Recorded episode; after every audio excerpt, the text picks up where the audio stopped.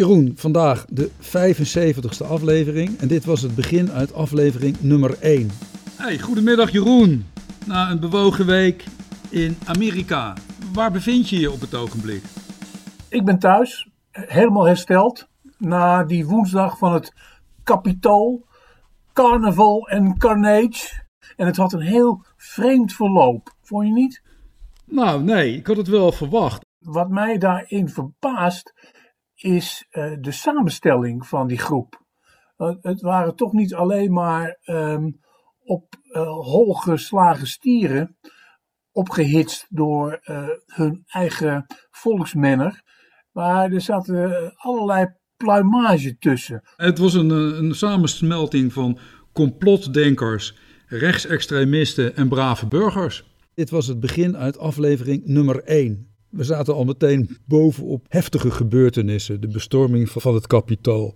Wat zijn voor jou uh, in die 2,5 jaar dat we dit doen belangrijke momenten geweest waarvan je denkt, nou dat was fijn dat we die in de podcast konden bespreken? Nou, die bestorming van het kapitool, dan denk ik aan het woord burgeroorlog. En die werd ook omgeven door uh, de heftigheid van bepaalde complottheorieën. Ja. Uh, president Trump was een groot aanhanger van het afzeiken van kwaliteitspers als fake news en fake media. Ik herinner me uit onze begintijd dat we daar heel veel tijd aan hebben besteed. Aan het fenomeen complottheorie, aan wappies.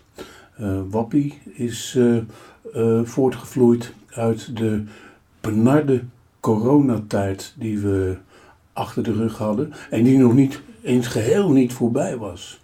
Maar een wappie was typisch in vele families voorkomende verschijnsel van de mensen die bepaalde complottheorieën uitdroegen. Vooral tegen de almacht van de overheid. Trump die was ook zo'n aanhanger van QAnon. Ja, en de Great Reset. Het denken van dat er een soort geheim complot was wat uh, de wereld wilde overnemen. We horen die complottheorieën hier en daar nog steeds trouwens.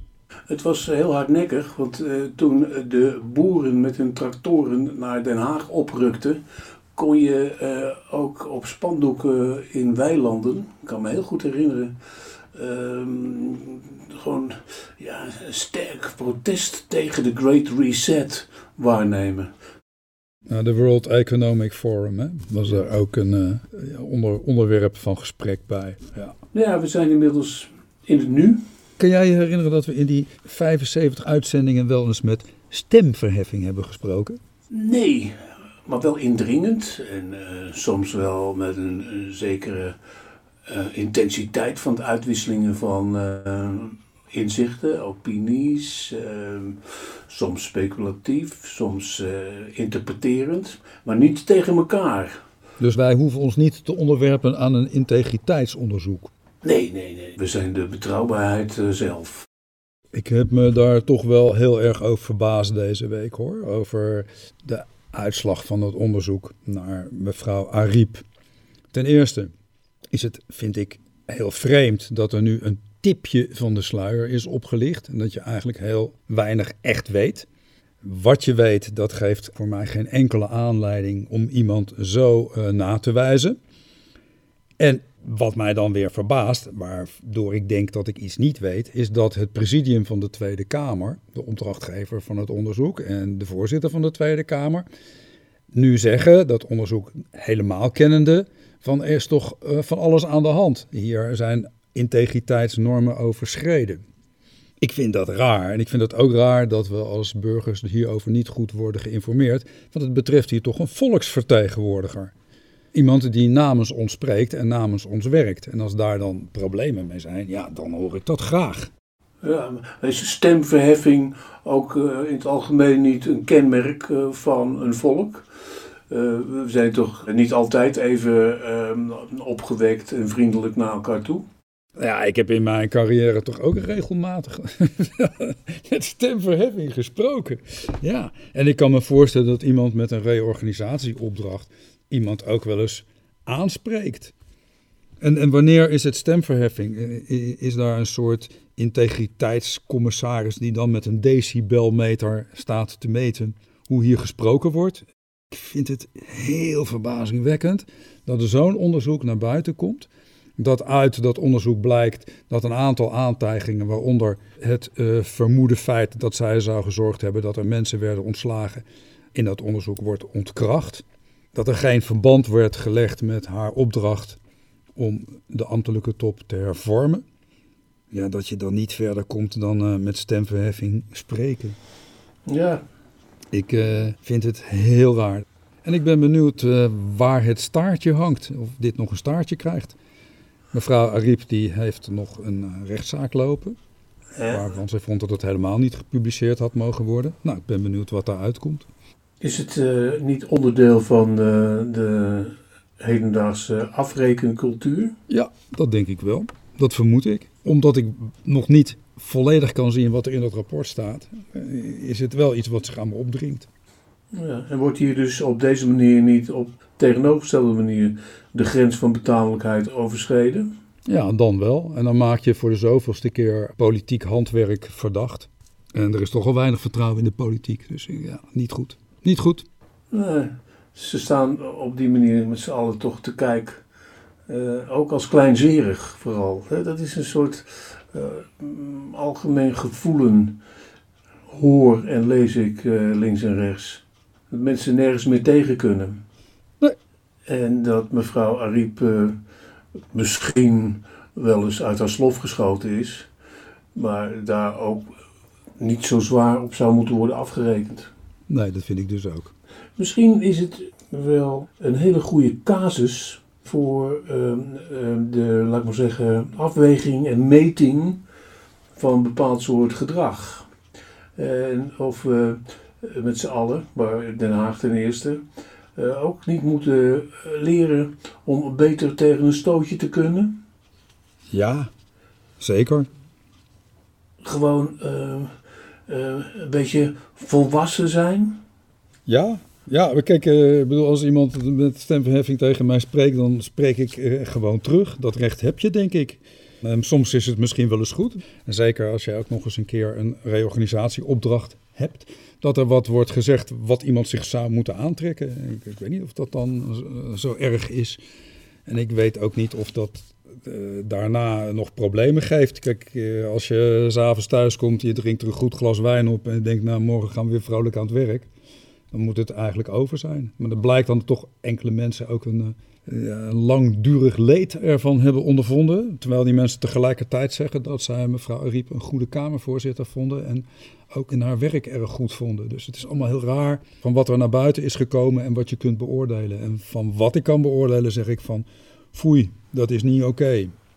Nee, en tegelijkertijd denk ik um, dat er wel ergere dingen in Den Haag zijn uh, voorgekomen. Uh, daar hebben we in de podcast toch ook redelijk veel aandacht aan besteed. Hè? Ik weet nog um, hoe jij fulmineerde tegen de man met de fakkels uh, voor de deur van mevrouw Kaag. Ja. Ik denk aan de bewaking voor het huis van Hugo de Jonge. Ja. ik denk aan met mobieltjes gefilmde aanvallen op Kamerleden en ministers, fysiek ook, en, en, ook verbaal, buiten het gebouw van de Kamer. Journalisten. Deze week nog rechters hè, die naar buiten treden en zeggen: Wij worden zo vaak belaagd, we worden soms opgewacht, zelfs voor de rechtszaal, door, door mensen die uh, ons bedreigen dat er wellicht rechters zijn die voorzichtig zijn in hun uitspraken. Dat er wellicht rechters zijn die zeggen van ik ga iets eerder met pensioen. Ja. Dat is, dat is wel een hele slechte zaak. Ja. We hebben ook uh, gesproken over hondenfluitjes die het verwijt in zich droegen antisemitisch te zijn. Aan te sluiten bij, bij oude bizarre legendes. Zoals het complot van mensen die de wereld willen overnemen. En dat zouden dan vooral Joodse mensen zijn. En het gekke is, die complottheorieën zie je zelfs nu hier en daar in de wereld terug wanneer het om het conflict tussen Israël en eh, de Palestijnen gaat. Daar komen we zo meteen nog wel op terug, op dat conflict. Maar ik denk even ook gelet op het... Ge maar dan zie je dat zo'n sfeer waarbij dat soort zaken eh, langzaam eh, infiltreren in zo'n samenleving uiterst giftig kan zijn. En ook onze eigen rechtsstaat onder druk zetten. Zeker, maar dan denk ik natuurlijk ook aan de hoeveelheid Kamerleden die uh, afgelopen half jaar hun afscheid hebben aangekondigd. Dat mogen, denk ik, de, de nieuw aantredende Kamerleden zich er ook wel degelijk hebben aangetrokken. Omdat zij de komende dagen, of de komende jaren, als uh, nieuwbakken politici, met menige stemverheffing te maken zullen krijgen. In en buiten de Kamer. Ja, en dat in de Kamer, dat is een slechte zaak. Ik denk dat het wel uh, goed is dat er een, een, nieuwe Kamervoorzitter komt. Iemand die uh, veel meer de, de regie houdt over de discussie dan uh, mensen het, het zwijgen oplegt. Nou, het mag een potig iemand zijn. Ja, moet een potig iemand zijn. Vrouw. Die door iedereen uh, wordt geaccepteerd en door iedereen wordt gerespecteerd. Ik denk uh, op dit punt niet als voorzitter, maar wel als mogelijk premier, wel eens aan Frans Timmermans. Ik heb het hem openbaar nog niet horen zeggen, maar hij moet afkomstig uit Europa uh, toch ook wel een vreemde cultuur vinden in, in Nederland. Uh, nou, ik vind het in Europa ook nogal een vreemde cultuur af en toe. Natuurlijk, maar laten we ons nu even beperken tot uh, de locus amoeub, tot het, de lokaliteit Lage Landen. Frans Timmermans heeft zich verwaardigd om weer naar Den Haag af te dalen. Ik zal niet zeggen dat het moedig van hem is, ik vraag me af hoeveel bedreigingen die al heeft gehad. Maar hij heeft zich uh, in ieder geval wel weer in deze arena gewaagd. Um, over stemverheffing gesproken. Dat is dan in het geval van mevrouw Ariep op deze manier afgelopen. Maar ik, ik mis het wat in de verkiezingsstrijd. Dat, dat volume. Verkiezing is tam. Er is ook zoveel gebeurd, er is ook zoveel uh, wat goed te maken is dat men elkaar daar makkelijk op lijkt te, te vinden. En ik denk dat elke partij op dit moment heeft, ja, we moeten toch na al die jaren uh, Rutte en, en, het sterk gedaalde vertrouwen in de politiek, met z'n allen er toch voor gaan zorgen dat we op een andere manier politiek gaan bedrijven. En je ziet dat overal terug. Ook in de gesprekken met, met journalisten. Je ziet dat elk Kamerlid nu toch probeert eh, richting die inhoud te gaan. En eh, richting een zekere verzoening. Maar dat is voor stemmers ontzettend lastig. Je ziet dat er nog heel erg veel zwevende stemmers zijn. We hebben nu ook een beetje veel eh, verlossers. Hè? Ja. Ooit hadden we Fortuin. En daar ging iedereen op af. Toen kregen we Forum voor Democratie, die opeens ontzettend groeide. Toen kregen we de BBB, die opeens ontzettend groeide. En nu hebben we de BBB, we hebben uh, Pieter Omzicht, we hebben de nieuwe, uh, het nieuwe uh, CDA. Het zijn allemaal mensen die zich zeggen van ik ga het beter doen, we gaan voor jullie zorgen. Er is allemaal ergens een soort licht populisme ingeslopen. Timmermans kan je daar ook niet helemaal van vrijpreiten. Licht populisme, ja. maar ook een hang naar herstel. Uh, daar uh, wezenlijk uh, schoonmaken van het blazoen. laten zien dat het in Den Haag anders kan. Ja, en ook echt de zaken die fout gaan benoemen. Maar ja, voor oplossingen, ik weet het nog niet hoor. Ik heb nog niet echt heel veel sterke politici gezien die echt voor een, een, een oplossing gaan staan. Het is allemaal nog een beetje voortborduren of ja, we hebben wel grote problemen in het land. Er moeten meer huizen worden gebouwd. Ja, hoe dan? En hoe gaan we dat precies regelen? Dat soort zaken. Gaan wij dit land bijvoorbeeld eh, beter bewapenen? Best wel een hele belangrijke vraag. Gaat men eh, nog wel een beetje uit de weg? Hoe gaan we om met de gezondheidszorg? Je hoort uh, de partijen als SP zeggen niks aan de hand met de kosten. En je hoort andere partijen zeggen van ja, die kosten kunnen we niet handhaven, dat loopt de pan uit. Hoe ga je dat dan doen? Hoe gaan we om met de, de immigratie? Ja, is een quotum iets wat iets oplost? iedereen blijft vaag. Alleen we zeggen we gaan er iets aan doen.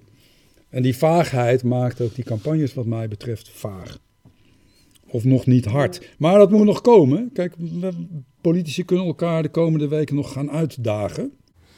Ja, de fatale one-liner moet misschien nog komen. En ik zie bijvoorbeeld ook Timmermans die erg voorzichtig is. Dat heeft misschien wel te maken met zijn statuur. Maar ook, ja, die, die man moet wel een brug maken naar partijen die iets meer rechts van de Partij van de Arbeid, GroenLinks staan, om straks een vruchtbare coalitie te kunnen vormen. Ik vind dat die erg naar om zich lonkt. Heel nadrukkelijk. Dat liep zo ongelooflijk in de gaten. En dan hebben we weer een kabinet uh, eh, CDA, Partij van de Arbeid. Ja, het nieuwe CDA, ja. Ja. Al heeft uh, Omtzigt, uh, ook bij de presentatie van zijn partijprogramma, ook degelijk de disclaimer ingebouwd dat vernieuwing en verandering echt niet binnen vier jaar volledig zal zijn, zal slagen. Nee, want hij heeft kamermeerderheden nodig, zeker voor een grondwetswijziging, twee derde meerderheden. Dat kost sowieso een, een, een, tweede keer een tweede kamer. Dus dat kan uh, vier, vijf, zes jaar op zijn minst duren. Maar je moet wel zeggen, Omzicht komt wel met een aantal concrete ideeën rondom politieke verandering. En dat uh, wil ik hem op zijn minst nageven.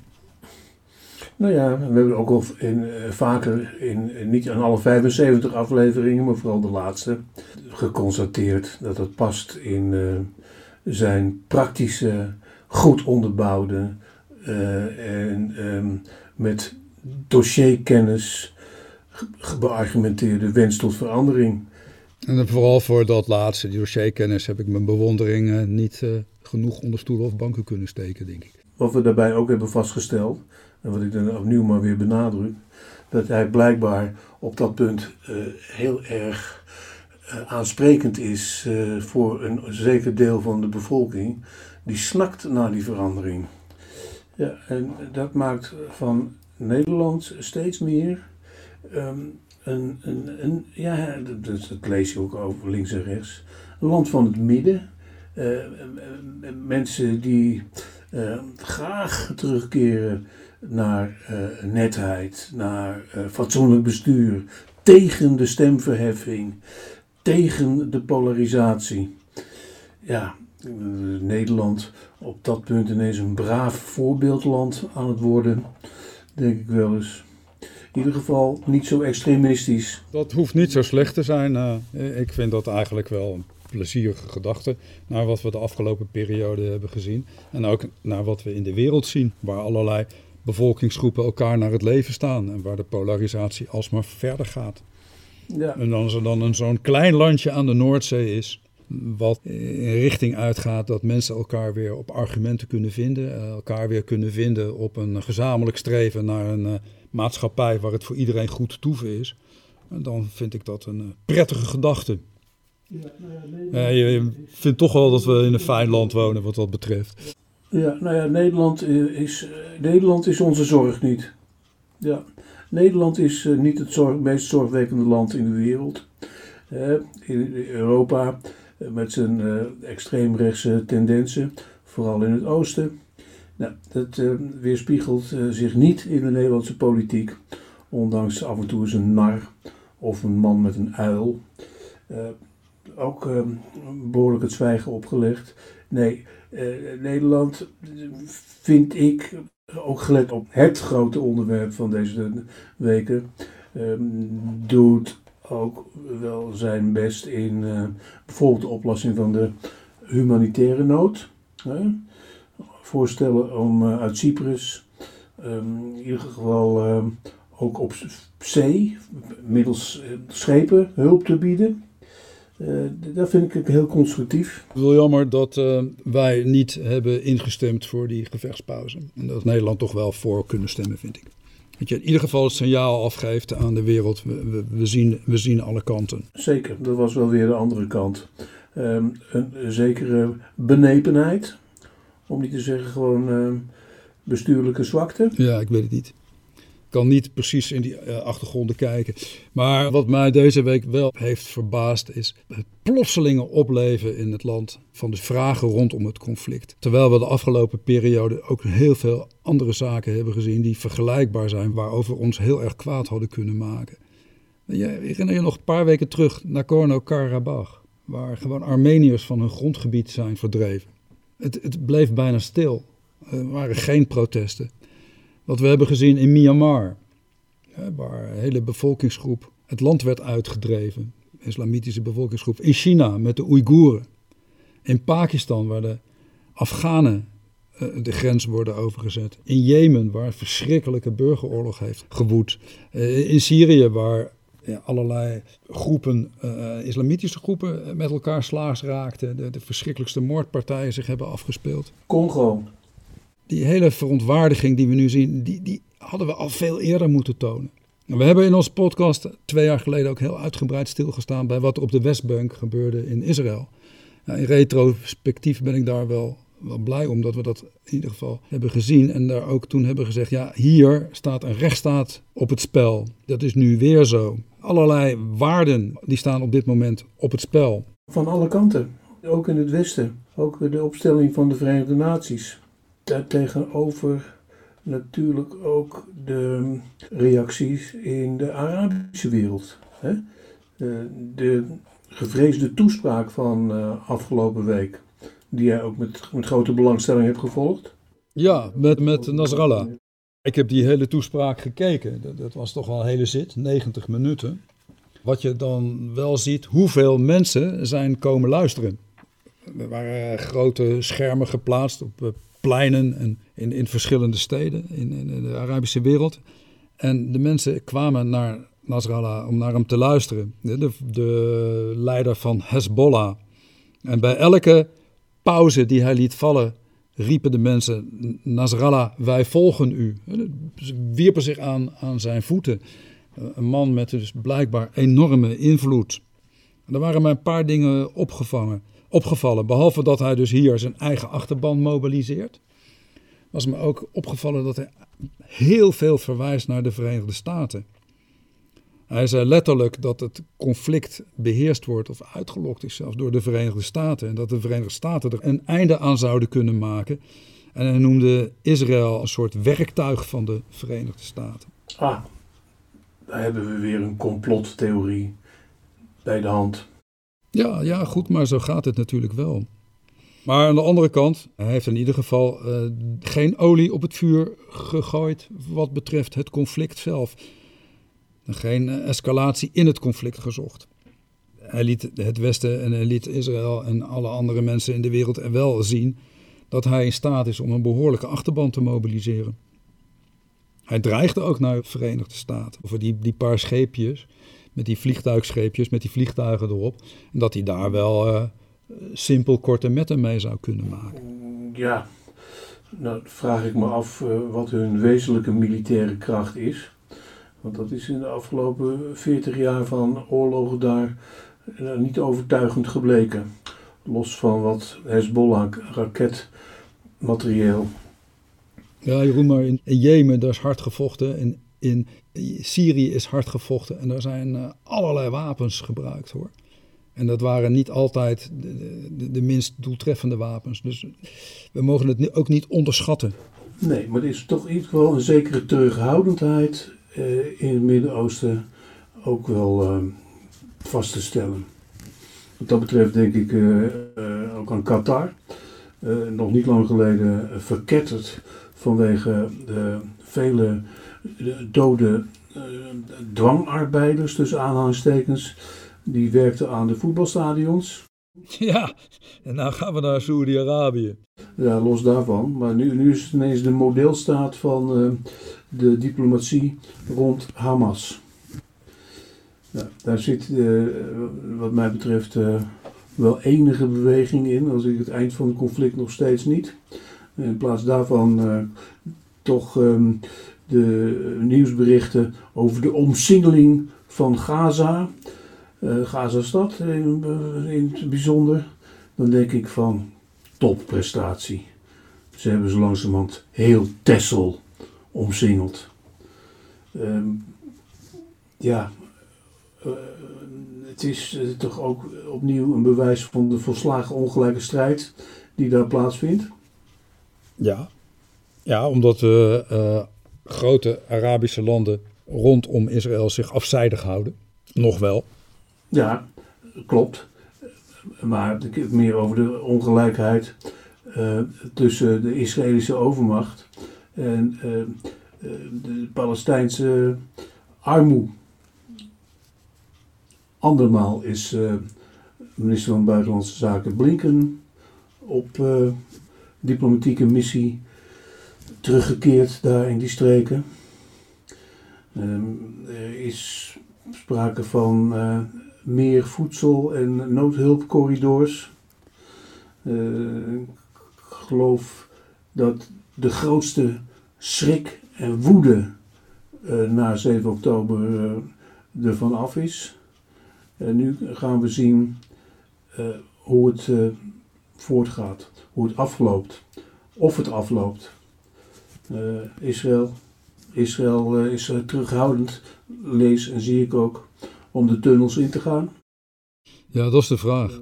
aan de andere kant blijken toch ook zeer goed getrainde en moedige commando-eenheden te bestaan die er wel induiken.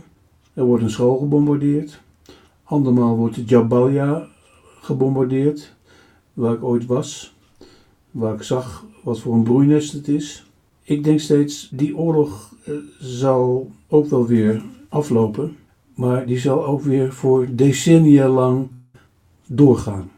Ja, en dan zie je ook weer in Israël een aantal zaken gebeuren die schrik aanjagen. We zien dat burgers zich razendsnel aan het bewapenen zijn, gesteund door de overheid. En uh, je ziet ook uh, dat er op de Westbank kolonisten mensen van het land jagen. Ook gesteund door de overheid, of althans de overheid grijpt niet in. Stond in de Volkskrant van deze week een interessant artikel met zo'n hardliner. Ariet Eldat, een oud politicus, een, een echte rechtse denker, die toch ook in Israël wel enige invloed heeft. En die zegt daar uh, rechtstreeks, we zullen nooit vrede hebben. Hij zegt, want het is hier niet een oorlog over land, maar het is hier een godsdienstoorlog. En die win je nooit. Begonnen deze discussie, dit gesprek eigenlijk met een constatering dat we blij kunnen zijn dat we in Nederland weer een beetje naar het midden lijken te schuiven en dat de polarisatie iets afneemt. En dan is eigenlijk het land waarin we wonen wel een voorbeeld van een land waar je godsdienstoorlogen wel kunt pacificeren. Wij hebben jarenlang geleefd als allerlei bevolkingsgroepen naast elkaar in mooie harmonie en een goede vrede, hè, dankzij het, het zuilensysteem. Je ziet dat in Noord-Ierland nu ook gebeuren. Ja, en zolang dit soort hardliners dit soort uitspraken blijven doen, schiet het natuurlijk niet op. En zouden we uh, dit, dit soort uh, voorbeelden als ons eigen land is misschien kunnen inzetten om te kijken of we hier ook het een en ander kunnen gaan verbeteren. Ja, ja, Nederland als gidsland. Maar dan zullen we als Europa en als Westen toch niet meer de fouten moeten maken van uh, de, een inval in Irak na 9-11. Niet de fouten moeten maken om allerlei misstanden in de wereld ja, met de mantel der liefde te bedekken. En hier geen duidelijke uitspraken durven doen. Dan zullen we die morele gedachten over democratie en mensenrechten ook moeten toepassen op het conflict hier. Ja. Ja. En dan uh, mag Europa nog wel eens zijn best gaan doen. Europa uh, mag zich in ieder geval uh, veel sterker opstellen ten opzichte van die kwestie in Israël en Palestina. Het is ook belangrijk om zo te denken, om te zorgen dat zo'n conflict zich niet in onze eigen samenleving als een splijtswam gaat gedragen tussen mensen die met elkaar moeten samenwonen. Nou ja, het is in alle heftigheid de afgelopen weken toch ook wel gebleken in, in partijkeuze tussen Israël en Palestina. Alleen is het veel minder heftig dan ter plekke. En dan zie je dat we een, een, goede leidsman missen, een politicus die zich kan uitspreken als staande boven de partijen en, en dit soort zaken ook neer kan leggen in onze samenleving. Toch is uh, dit item geen uh, doorslaggevend of belangrijk onderdeel van de verkiezingscampagne. Nee, zou het wel moeten zijn. Nee.